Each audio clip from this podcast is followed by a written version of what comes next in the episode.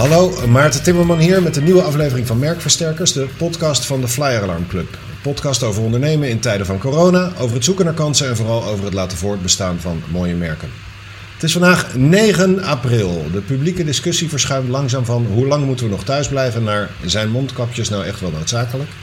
Het is bijna paasweekend en retailers geven aan klaar te zijn voor een gedempte paasdrukte. Ze blijven open, maar letten dan op die drukte.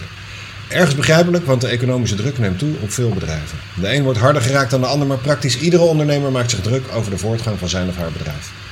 Een heel andere tak van sport merkt zeker ook de financiële druk, maar ook de regelgeving druk, kan ik me zo voorstellen. Aan de andere kant van de lijn zit Anne-Claire van der Lucht. Ze werkt als marketeer voor goede doelen als Clinic Clowns, de Hartstichting, SOS Kinderdorpen en Amref Flying Doctors. Hallo Anne-Claire. Hi Maarten, leuk dat ik mag komen in je podcast. Ja, nou welkom. Welkom, welkom. Hoe gaat het? Ja, gaat goed. Het is een bijzondere tijd nu natuurlijk. Uh, het werk is een beetje stilgevallen aangezien ik ZZP'er ben. Uh, maar ja, er komen ook weer nieuwe goede initiatieven en ideeën uit. Want ik zie deze periode eigenlijk ook als een grote kans. Om Kijk, dat is positief om mee te beginnen. Ja, nou, ik denk dat je in deze periode, je kunnen allemaal heel erg uh, somber gaan doen. Maar ik denk dat het ook een kans is voor ons als bedrijven, maar ook als mezelf, om de dingen die je doet goed onder de loep te nemen. Maar ook om nieuwe dingen te uh, leren. Dus die waar je eigenlijk geen tijd voor had, uh, om die nu eens goed uh, te benutten. Ja, een goede, goede insteek, denk ik. En, um, je werkte voordat er een crisis was op meerdere plekken tegelijk, volgens mij. Als projectmanager, ja. als marketingmanager voor goede, goede doelen. Kun je daar wat meer toelichting toe, ja, natuurlijk. ja, geven? Wat ik, wat ik eigenlijk doe, ik zit in verschillende bedrijven. Zo heb ik samen een vriendenbedrijf Elephants. En met dat bedrijf willen we eigenlijk mensen inspireren en uh, verbinden met elkaar. En dat doen we door uh, fondswervende evenementen te organiseren. Uh, die evenementen zijn dit jaar eigenlijk allemaal afgelast. En daaronder de Superhero Run was dat. En dat was voor kinderen vanaf zes jaar die samen met Midmasters hadden we die samenwerking om het terrein te bestormen in een superhelden outfit. Mm -hmm. Nou, dat hebben we deze week helaas echt voor het hele jaar de stekker uit moeten trekken. Omdat het gewoon op dit moment geen zin heeft om ja, marketing daarop te botvieren. Mensen zitten nu in een andere gedachtegang. Maar daaruit is wel weer het initiatief gekomen, de Solo Ride. Want iedereen wordt nu uh, gesommeerd om alleen buiten te fietsen, te wandelen of wat ze ook willen doen. En uh, wij hebben bedacht als vervent fietsers om de soloride te doen. En dan schrijft iedereen zich in op de website zonder inschrijfkosten. Maar doet een donatie om onderzoek voor het Erasmus MC te ondersteunen naar een vaccin voor ja, het coronavirus. Wat een gaaf initiatief. Ja, dus we hopen daarmee zoveel mogelijk mensen te bereiken. En het is heel vrijblijvend, want we weten natuurlijk dat iedereen zijn eigen weerstand het beste kent. Uh, dus iedereen mag zo ver uh, als ze willen en zo vaak als ze willen naar buiten om te fietsen. Eén keer per dag uiteraard, maar gedurende de weken. En dan doen ze een donatie en dan is het mogelijk om vrienden en familie op te trommelen om ook een donatie te doen of mee te fietsen. Maar ja, in deze tijd is dat natuurlijk de keuze echt aan iedereen. dus daar zijn we druk mee bezig op dit moment. Ja. En daarnaast uh, heb ik, hebben we ook andere uh, projecten gedaan. En dat doe ik ook vanuit mijn eigen bedrijf. Dat heet Semor. En daar doe ik onder andere Wandelen voor Water voor. En dat is een project van Amref Flying Doctors, Simavi en ZOA. Ja. En dat leert kinderen op de basisschool uh, vanaf groep 6 alles over water in de wereld. Dus echt de bewustwording. Ze krijgen gastles in de klas. En vervolgens uh, gaan ze aan de slag met sponsorformulieren en een donatieboekje over straat. Ja, dat kan dus nu helaas niet meer. Uh, en dan gaan ze daarna een wandeling van 6 kilometer met 6 liter water op hun rug doen. Om te ervaren hoe het is uh, voor kinderen zoals in Afrika om ver te moeten lopen voor het water. Om zelf dat water te moeten halen. Hey, en ja. de scholen zijn natuurlijk in zoverre gesloten, maar wel open. kunnen jullie daarop aanhaken? Want kun je een gastles nog geven online? Nou, de gas, het, ligt natuurlijk allemaal, ook die gaslessen zijn ingestoken op hè, de problematiek van water, die er nu natuurlijk nog steeds is. Maar door het coronavirus zit er natuurlijk een hele andere mindset uh, bij mensen op dit moment. Dus we gaan nu wel proberen om het project nog op een andere manier in te steken, zodat het niet helemaal in het water valt. Uh, we gaan bezig met workout voor water. En dan gaan we kinderen vragen om een waterchallenge te doen. En voor die challenge, dat sturen ze naar opa en oma. En dan gaan ze kijken of ze uh, daar misschien nog wat geld mee kunnen ophalen. Want het leven in Afrika gaat bijvoorbeeld ook nog steeds door. En wat we nu vergeten, misschien in Nederland, of waar we niet bij stilstaan, is dat we een heel groot probleem krijgen in landen zoals Afrika en India. Want als je bijvoorbeeld naar Kenia kijkt, die hebben 50 miljoen inwoners, maar 50 intensive care bedden. Dus als Ja. daar het allemaal uitbreekt, ja, hoe gaan zij dat oplossen? Dus, en daar is ook nog steeds schoon water nodig om hè, de gezondheid in te gaan. En, Om en überhaupt de gezondheid te kunnen waarborgen. Ja. ja, en dat mensen gezond blijven, vooral nu. Dus dat is het probleem. Alleen in Nederland speelt nu natuurlijk het probleem. We zitten in de eerste fase van eh, het coronavirus. Dus we zijn eigenlijk allemaal nog een beetje bezig met eh, wat houdt het eigenlijk allemaal in. Nou, die fase zijn we net een beetje voorbij. Wat doet het met mij, hè, mijn directe omgeving? En we moeten nog de fase in van... oké, dit is bij onze situatie, maar hoe zit het eigenlijk bij anderen? Die verder precies. buiten ons ja, buiten je eigen bereik liggen. En eh, ja, dat is waar eigenlijk de marketing ook wel goed op je aansluit. Want ik werk altijd een beetje via het eh, See, Think, Do principe. Ik weet niet of je dat kent. Uiteraard. Maar dat is eigenlijk nu precies hetzelfde. Want we, worden, we zijn geïnformeerd hè, over wat is corona. En we zitten nu een beetje in de thinkfase van... eh, wat gebeurt er eigenlijk nu en hoe gaan we hiermee om? En die doelfases van hoe gaan we naar de toekomst... daar moeten we nog gaan inrollen. Ja, want eh, kijk, jij werkt als freelancer. eh, Ja. En daarmee op dit moment dus ook minder voor de grotere organisaties, kan ik me voorstellen. Ja, je hebt natuurlijk wel inzicht in hoe het werkt, want het lijkt mij ook een kleine wereld waar de, de marketeers elkaar ongetwijfeld nog wel zullen spreken. Wat, wat is een impact op, een, op de grote goede doelen? hè? Dus we hadden het net al over wandelen voor water bijvoorbeeld. Amref Flying Ja. Doctors, ZOA en Simavi. Eh, is er nu een hold op projecten en zijn ze aan het kijken wanneer, wanneer kunnen wij weer de markt gaan, gaan betreden? Want ik kan me ergens voorstellen dat het voor je merk, dat klinkt misschien heel stom, maar je doet niet voor niets marketing voor een goed doel. Dus er is een merk om op te bouwen en om te beschermen. Maar, maar wat voor scheidslijnen heb je daar dan in? Nou ja, het is vooral nu dat we. De evenementen zijn natuurlijk allemaal eh, stilgelegd. Want je mag niet meer de straat op. Collecteren is ook eh, stilgelegd. Daar proberen ze nog wel die online donaties eh, Ja. mee te werven met online donatieboxen. Dat zie je nu ook bij de Hartstichting heel goed. Daar zijn ze een hele goede campagne mee begonnen. Maar ja, je ziet het, het gemiddelde van een gift zie je gewoon teruglopen. Want mensen die hebben geen baan meer of die zitten thuis. Eh, de toekomst is onzeker, dus het geefgedrag neemt natuurlijk ook heel erg af. Maar wat we niet moeten vergeten is dat mensen wel een saamhorigheid in zich hebben. En dat zie je nu ook. Hè? Er komen allemaal initiatieven voor de, de zorgpersoneel. eh, voor, ja, wat ik zelf dus ook met Sodorite doe. Dat je probeert geld op te halen, toch voor een goed doel. Zodat eh, hè, er, er sneller een oplossing komt. Die, die initiatieven zijn er wel, maar het is nu echt heel erg gerelateerd aan de situatie nu. Dus aan dat coronavirus. Dus naar Afrika toe gaan ze echt proberen, bijvoorbeeld, eh, hoe gaan we nu eh, de donateur benaderen? Hoe, wat is de nieuwe werkwijze en wanneer is het beste moment? Want dat is, in mijn ogen is dat nu niet het beste moment. Je kan wel vragen, maar je moet heel erg goed eh, kijken hoe je je vraag stelt. Want ja, in de goede doelenwereld zie je ook heel vaak dat er een vraag wordt gezegd: we hebben geld nodig, even hè, kort door de bocht gezegd. Ja, Ja, en die vraag moet toch wel anders worden gesteld nu. En ik denk, eh, maar dat is ook in mijn perspectief, dat je mensen moet gaan inspireren om betrokken te blijven. En eh, door, door je dat inspireert en dan ook een plekje geeft in jouw organisatie, dat je een beetje mee laat kijken van, joh, echt vertellen van, dit is wat we doen en hier lopen we nu tegenaan, want deze situatie is voor ons ook hè, treffend eh, geweest. Als je die open deur geeft en ook een mening vraagt, dan kan je denk ik ook wel het vraag en aanbod dichter bij elkaar laten komen. Dan heb ik een eh, gewetensvraag voor je. En die, maar die, die begin ik met een inleiding die eigenlijk een beetje een, een open deur is. De, de- ik maak zelf altijd mijn keuze in goede doelen. En ik doe liever één doel goed dan, dan twintig tegelijk. Ja. Komt het meestal neer op twee of drie die tegelijkertijd lopen, want ik ben niet zo goed in het opzeggen. Maar de doelstelling is: ik doe eentje goed en die zeg ik op als ik een ander heb gevonden waar dan, om wat voor reden dan ook, de nood wat hoger is, mijn hart meer naar, naar uitgaat. Dan is het me wel een keer gebeurd dat ik een goed doel heb opgezegd. Dat ik daarna eerst een brief kreeg. Weet je het zeker? Want er zijn echt wel honderdduizend kinderen die je nodig hebben. Wat uiteindelijk is uitgelopen op een eh, persoonlijk telefoontje van iemand die mij begon uit te leggen dat het mijn schuld was dat er die dag 2,5 kind was overleden.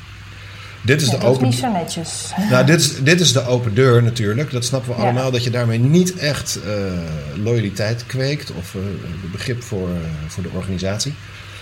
Maar, maar wat is dan de manier? Je gaf net al, net al een beetje inzicht in overview. Met, je, je moet wat meer vertellen. Maar wat is dan de manier om te zorgen dat mensen... Aan de ene kant wil je niet dat ze afhaken. Zeker de automatische incasso's niet. Ja. En aan de andere kant, hoe krijg je iemand toch nog zover om meer te geven? In ieder geval buiten de eigen gemeentegrens ook wat te geven. Ja, nou, dat, dat, is wel een boeiende vraag. Want uh, ik zou altijd... Uh, de, de, degene die uh, hebben en zo, die lopen op zich wel door. En als je je aan de telefoon krijgt, dan zou je wel kunnen vragen... Maar hoe, kan hoe kunnen we u wel aan boord houden? Want ik bedoel, misschien geeft iemand nu 5 euro per maand. Misschien wil die wel voor 252 per maand aan boord blijven.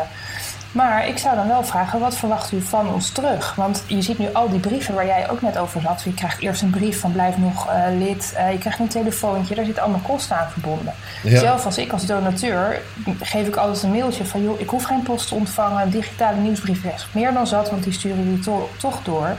Maar ik zou echt de donateur betrekken van... joh, je bent bij ons lid, wat is precies de reden... Uh, en hè, hoe zou jij het zien, zodat jij, wat heb je van ons nodig om die, de, extra gift te geven. Wat, wat wil je? En dan zie je vaak ook wel dat mensen uh, zeggen van ja, ik wil een concreet doel uh, steunen. En dan maakt het ook wat tastbaarder dan dat je bijvoorbeeld vraagt, joh, we steunen kinderen in Afrika. Dat is een beetje ja, globaal. Dan zie je niet waar het geld naartoe gaat. En als je nu juist hè, de donateur die opzegt, gewoon een belletje geeft van joh, we zien dat u opzegt, mogen vragen wat de reden is. Nou, en echt laten vertellen ook, en niet onderbreken, maar gewoon echt laten vertellen. En dan vervolgens daarop inhaken van het verhaal van joh, beseft u dat de situatie, wij beseffen dat de situatie voor u zo en zo is, maar voor de mensen in Afrika, ik noem maar even Afrika als voorbeeld, want het makkelijk eh, voor begrip, dat die zus en zo eruit ziet. En uh, ook de toekomst schetsen van als, we, als we, hè, de situatie nu doorloopt zoals het is, dan gebeurt er dat. Wat ja. zou u toch nog kunnen betekenen? En niet wat zouden we nu kunnen doen? Ja. ja, wat zouden we samen kunnen doen? En ergens schets je eigenlijk ook dus dat in een crisis zoals deze... dat de neiging van mensen is om te kijken naar een doel... waarbij heel duidelijk is wat er dan precies gebeurt. Ja. Het, het, het bekendste voorbeeld is denk ik wel Giro 555 na aardbevingen, na tsunamis en weet ik wat. Tien jaar later blijkt er ergens nog geld op de plank te zitten. Ja. Het is helaas een, een verhaal dat altijd terug blijft komen. Maar ik kan me voorstellen dat consumenten, particulieren, heel erg geneigd zijn om juist nu te zeggen. Uh, Erasmus MC klinkt heel bekend, klinkt ook heel officieel en, en, en heel verantwoord. Uh, daar wil ik heel graag 25 euro aan geven. Terwijl ze misschien normaal gesproken maar 2,50 aan Flying Doctors of aan uh, Giro 555 zouden, zouden geven. Ja. Dus ergens, ja, ergens een kans voor de, voor de kleinere merken, voor de kleinere goede doelen dan, toch? Ja, maar ja, die kans die is heel makkelijk gezegd. Alleen het is soms heel moeilijk om uit te leggen wat je met ontwikkelingswerk doet en er een prijskaartje aan te hangen.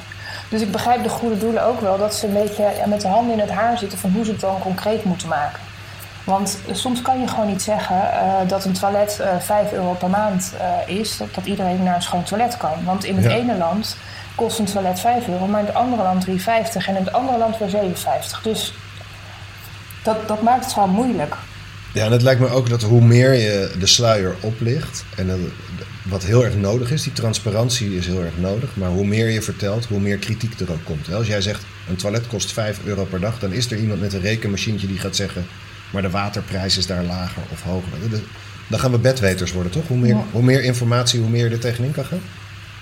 Ja, maar of hoe concreter je het maakt, hoe uh, sneller iemand denkt: hé, hey, wat leuk, hier ga ik wat mee doen. Want dat zien we ook bij de Sodierwide. Wij hebben echt het onderzoek naar een vaccin gedaan, omdat we niet de hele breedte in wilden. Want met corona nu, er zijn zoveel onderzoeken nodig van hè, uh, de testen, uh, de zorg in het ziekenhuis, de nazorg en dat soort dingen. Daar horen allemaal onderzoek aan vast. En dat is gewoon te groot. Dus toen hebben we gezegd tegen Erasmus MC van joh, we willen wel iets concreets. Wat is voor jullie een onderzoek waar wij kunnen aan bijdragen? Nou, toen zijn ze gekomen voor het vaccin voor corona. En nu krijgen we ook de reactie: wat goed dat er bij jullie een, uh, zo'n concreet doel aan zit, want ik doe nu mee. Ja, top. Um, als je nou zo'n goed doel opzet. De, de, dus ik heb in heel veel vakgebieden gewerkt. En de goede doelen is er dan eentje waar ik echt heel weinig van weet. Behalve dan dat uh, dit meestal wel de momenten zijn om lege pagina's bij uh, gedrukte tijdschriften. of sowieso in print te, gaan, te gaan zoeken. Mm -hmm. Uh, omdat er gewoon minder adverteerders zijn, zijn er lege bladzijden over. Uh, wat ik alleen maar kan, kan toejuichen natuurlijk. Uh, maar, dus jij komt met een idee, samen met Roderick. Ja. we gaan kijken of we geld op kunnen halen met fietsen. Ja. En dan? Hoe, hoe start je dan? Ja, ik zou denken, je hebt start-up kosten, dus het eerste wat je doet is bij wijze van spreken flyeren in de Van Egenstraat of gewoon een rondje om het Vondelpark heen. en, Van, heb je Of nog, zeg eh, ik hele gekke Ja. dingen nu? Nee, zo doen, zo doen we dat niet. We hebben echt eh, hierbij gedacht van, we willen echt... ehm, je kan die, die vlek natuurlijk heel groot maken. Maar we hebben echt zoiets gedacht van, iedereen in Nederland fietst. Alleen, eh, we zijn zelf racefietsers. Dus laten we eerst bij ons netwerk beginnen wat in die racefietswereld zitten. Die hebben we allemaal aangehaakt. En we hebben eerst, gevraagd, we hebben eerst een platform gebouwd natuurlijk. Eh, dat hebben we samen met een, eh, ja, ja, onze eigen huistechnicus, moet ik het maar zo zeggen, gedaan. En die heeft ook gezegd, joh, ik help jullie hierbij. Eh, als jullie uit de kosten kunnen komen, dan hou mij in gedachten. Maar anders doen we het vrijblijvend. Want we hebben allemaal gezegd, dit is ons eigen initiatief. Hè, wij zitten nu ook zonder werk. Dus Maar dan mag je zeker zijn naam noemen, hè? ja, ja Bronnie T. Ron, onze grote vriend Ron van Bronnie T. Ja. En de hostingpartij heeft het ook gezegd. Eh, dus dat, dat was al de eerste stap, dat, je, dat we een samenwerking gaan zoeken. En ook met die fietsers die we al kennen, van jongens, we hebben eh, actiehouders eerst nodig om te laten zien aan de media dat, we echt, eh, ja, dat je ons serieus kan nemen. Dus de eerste dag dat we live zaten, hebben we echt iedereen die we kenden en fietste een appje gestuurd, gebeld, gemaild van jongens schrijf je in.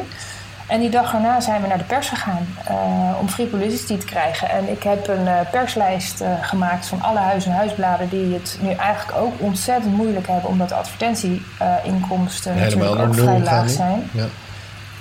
Maar goed, het- in mijn netwerk zitten ook ontzettend veel lieve mensen bij de persgroep, bij BDU, ehm, die ons hebben geholpen. Dus we hebben inmiddels al 40 uitingen, geloof ik, gehad. Radio-interviews zitten erbij. Ja, het is echt heel tof. Het is natuurlijk nu ook wat makkelijker aangezien we echt iets met corona doen. Dus hè, dat is natuurlijk ook wel nieuwswaardig. Heel, heel tastbaar. Ja, dus die, die hebben we aangehaakt. Ja, en we zitten al onze contacten nu die enigszins met fietsen te maken hebben. eh, fietsclubs, eh, sportvoeding, eh, webshop. We zijn iedereen aan het vragen om maar die olievlek goed groter te maken. En ja, iedereen, het liefst spreek ik iedereen op een kruispunt aan van solo ride met borden en toestanden. Van, eh, om het bekend te maken, maar dat is een beetje het lastige. Ehm, Ja. Er gaat ook overal heel veel tijd in zitten, dus je moet keuzes maken. We zijn met z'n tweeën. Dus je, kan, je, je hebt maar zoveel uur in de dag. Kun je Dus hulp gebruiken daarbij? Eh, ja, maar het ligt er wel aan wat het, wat het is. Kijk, ik zou het heel leuk vinden als mensen... Want je kan geen flyers uitdelen. Je moet anderhalve eh, meter afstand. Dus ik zou het heel fijn vinden als mensen... andere mensen een appje zouden sturen... van joh, dit is een te gek initiatief... want iedereen die fietst, die kan meedoen. En dan heb je toch wel even dat steuntje eh, aan, aan, het, aan het vaccin. Je doet wat terug, want dat is eigenlijk ook de reden dat we het zijn gestart. We vinden het fantastisch van de overheid... dat wij gewoon nog naar buiten mogen zie je in Frankrijk of Spanje waar iedereen binnen zit.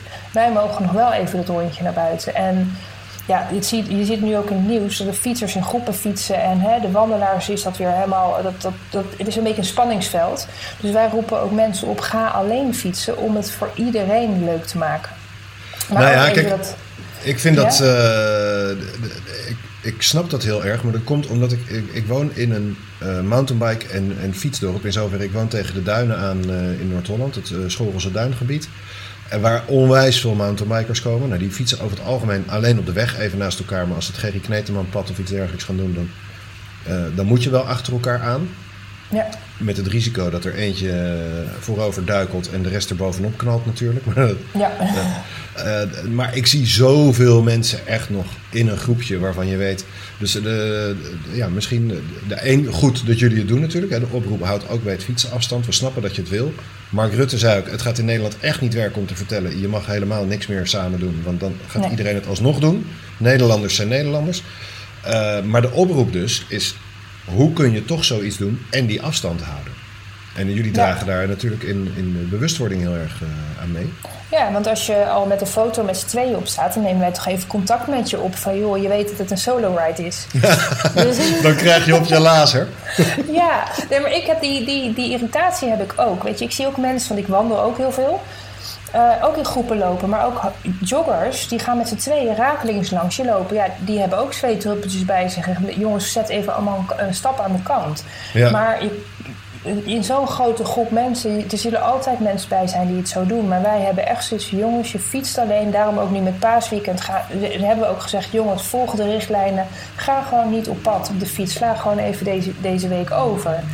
Want als, als we dit niet doen, dan zitten we straks wel in de situatie van Frankrijk en uh, Spanje. Ja, en dan zit iedereen te balen en zijn ja. ze eigenlijk geïrriteerd op zichzelf, maar uiten zich daar in de verkeerde mensen.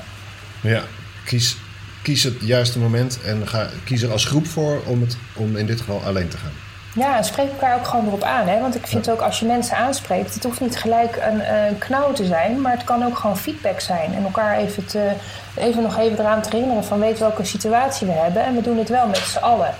In je eentje kan je het niet. Ja, in je eentje kan je fietsen, waardoor je samen, uh, als we Ja. allemaal alleen fietsen, helpen. Ja, dus eh, de, ja, het, eh, de, ergens is het natuurlijk een, eh, het is zo'n simpele boodschap, maar eh, ik vind het leuk dat die op andere manieren ook wordt, eh, wordt uitgedragen eh, in jullie geval Ja, dan. dankjewel. Ehm, zijn er andere doelen waar je nu met respect naar kijkt? Wie, wie doet het goed nu? Nou, wat ik, ik werk ook nog voor Dedicon. Eh, zij, zij maken alles leesbaar voor mensen met een visuele beperking of blindheid. En ja, mensen met een beperking die zijn dan natuurlijk nu nog beperkter, eh, omdat ze al thuis moeten zitten. En sommige mensen hebben echt hulp nodig om naar buiten te moeten. Ja, en door die anderhalve meter afstand is dat niet. En doordat zij eh, zoveel boeken, kranten en tijdschriften inspreken, ja, dat, dat vind ik dan wel heel mooi. Alleen zij hebben nu ook eh, vorige week de deuren moeten sluiten. Ja, en dan denk ik, ja, dat gaat me wel aan het hart, weet je. Er zijn nog geen eh, middelen om thuis in boeken in te spreken, want het he- gaat allemaal met speciale software die je niet zomaar bij iedereen op de computer kan pluggen. En dan denk ik, ja, dat is wel heel mooi. Maar als ik nu ook hun zie van hoe zij daar eh, op oplossingen aan het denken zijn, hoe ze toch nieuwe uitgaves en edities eh, bij de mensen thuis kunnen krijgen, dan denk ik, ja, dat vind ik wel heel waardevol. Maar nu vraag ik me af, hè, want eh, dit is de vierde podcast die wij maken. Ik ben geen geluidstechnicus. De, niemand bij Flyer Alarm is geluidstechnicus. En we zetten hem wel samen in elkaar. Sterker Ja. nog, we, werken met Soundtrap. Dat is uiterst betaalbare software. Dat is mijn reclame momentje van vandaag. Ja, Eh, maar eh, ik, ik zie toevallig via de, de webcam dat jij hebt een headsetje op, ik heb een headsetje op en we komen er wel. Ja. Maar je kan mij niet vertellen dat het onmogelijk is om een boek in te spreken. Dus wat is Nou- dan eh, de, de reden dat dat niet kan? Nou, bij een boek inspreken, er zit een soort structuur achter. Dus dat iemand met een blindheid of hè, met een visuele beperking, die kan daardoor met zijn telefoon heel goed de indeling van het boek bekijken. Dus eh, ga je naar een Storytel of zo, die dat is wat gebruikelijk eh, een app zeg maar, waar je ook boeken op kan lezen, die onthoudt waar je bent gebleven en die kan op een bepaalde manier zeggen waar iemand naartoe moet. Dus het gaat echt wel eh, iets verder. Kijk, jij kan heel goed lezen en jij ziet hè, als je terug wil of vooruit wil of hoe dat allemaal werkt. Maar die mensen hebben geen ogen, dus die zijn echt op jouw stem. ehm, ja, hoe heet het? Dat je daar, ik ben even het woord kwijt, eh, dat, je, dat je moet vertrouwen op iemands anders eh, ze- zijn kunnen. En daar zit Ja, een bepaalde software achter. Dus eh, het is een technisch iets.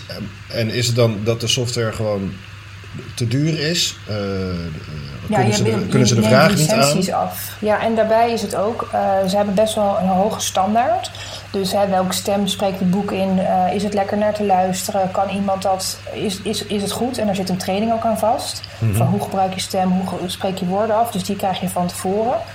Ehm, ja, en daarnaast ehm, moet, het, moet het boek helemaal goed in elkaar zitten. En als dat gebeurt, kijk, ze zijn nu ook aan het kijken om thuis in te gaan spreken, maar daar moeten ze wel de goede ruimte voor hebben. Kijk, jij zit nu alleen, maar als je een eh, stel kinderen achter je hebt, Ja, ik had Eh, gisteren ook een sirene die voorbij kwam en eh, zo af en toe wat Ja. kinderen. eh, Dus je moet wel een goede omgeving hebben. En de vraag is nu ook, en dat moeten zij ook hun lezers gaan stellen, van wat verwacht je van een stem? Hè? Want nu leggen we de kwaliteit heel hoog. Maar wat nou als de kwaliteit iets minder wordt? Ben je dan ook even blij en blijf je dan ook luisteren? Ja, bij deze dus de oproep aan Storytel en consorten om de software gewoon beschikbaar te stellen. Ik kan me in ieder geval voorstellen dat kinderen die een, een, een beperking hierin hebben, dat je de ouders daar enorm kan helpen door een verhaal voor te lezen. En, Ja. maar, en ik word eh, nu eh, bijna, ik begin bijna te prediken. Maar eh, wat, ja, het lijkt me zo makkelijk om, om iemand zover te krijgen om op te nemen. Ik denk, Ja. neem, neem iemand als Erik de Zwart, de mooiste radiostem ooit. Ja, die, die zal ook wel een paar uur over hebben om gewoon een boek voor te lezen. En dan maar slechte kwaliteit, maar help, help elkaar dan. ja, dat denk ik ook. En ik denk ook dat alle partijen bij elkaar een goede methode moeten kunnen vinden van hoe kun je het toegankelijker maken om thuis in te spreken. Ook voor de vrijwilligers. Hè? Want het, zijn heel- het is gebaseerd op vrijwilligers. Ja. Ehm, Wat een mooi moment eigenlijk om hem, uh, om hem af te sluiten. uh, in zoverre, we, we proberen het een beetje snackable content te houden voor een ochtendwandelingetje, voor een lunchpauze of voor dat ene momentje dat je toch in de ja. auto zit.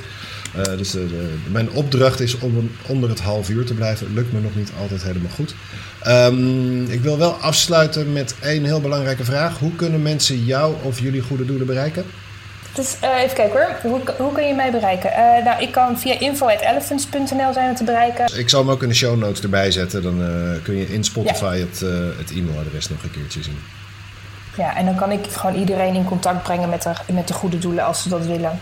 Ja, top. Um, dankjewel Anne-Claire voor je openhartigheid en voor het leuke gesprek.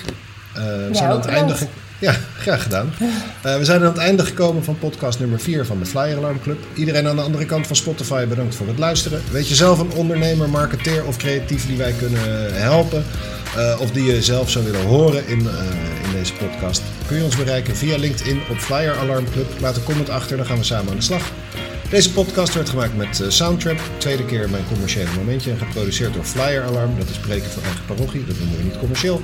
En de liefde voor de podcast werd ons bijgebracht door Mark Schoones, Matthijs Stielman van Wayne Parker Kent. Waarvoor onze onmetelijke dank. Uh, verder werkte mee Wilfried Kersens. Voor nu, stay safe en hopelijk tot de volgende.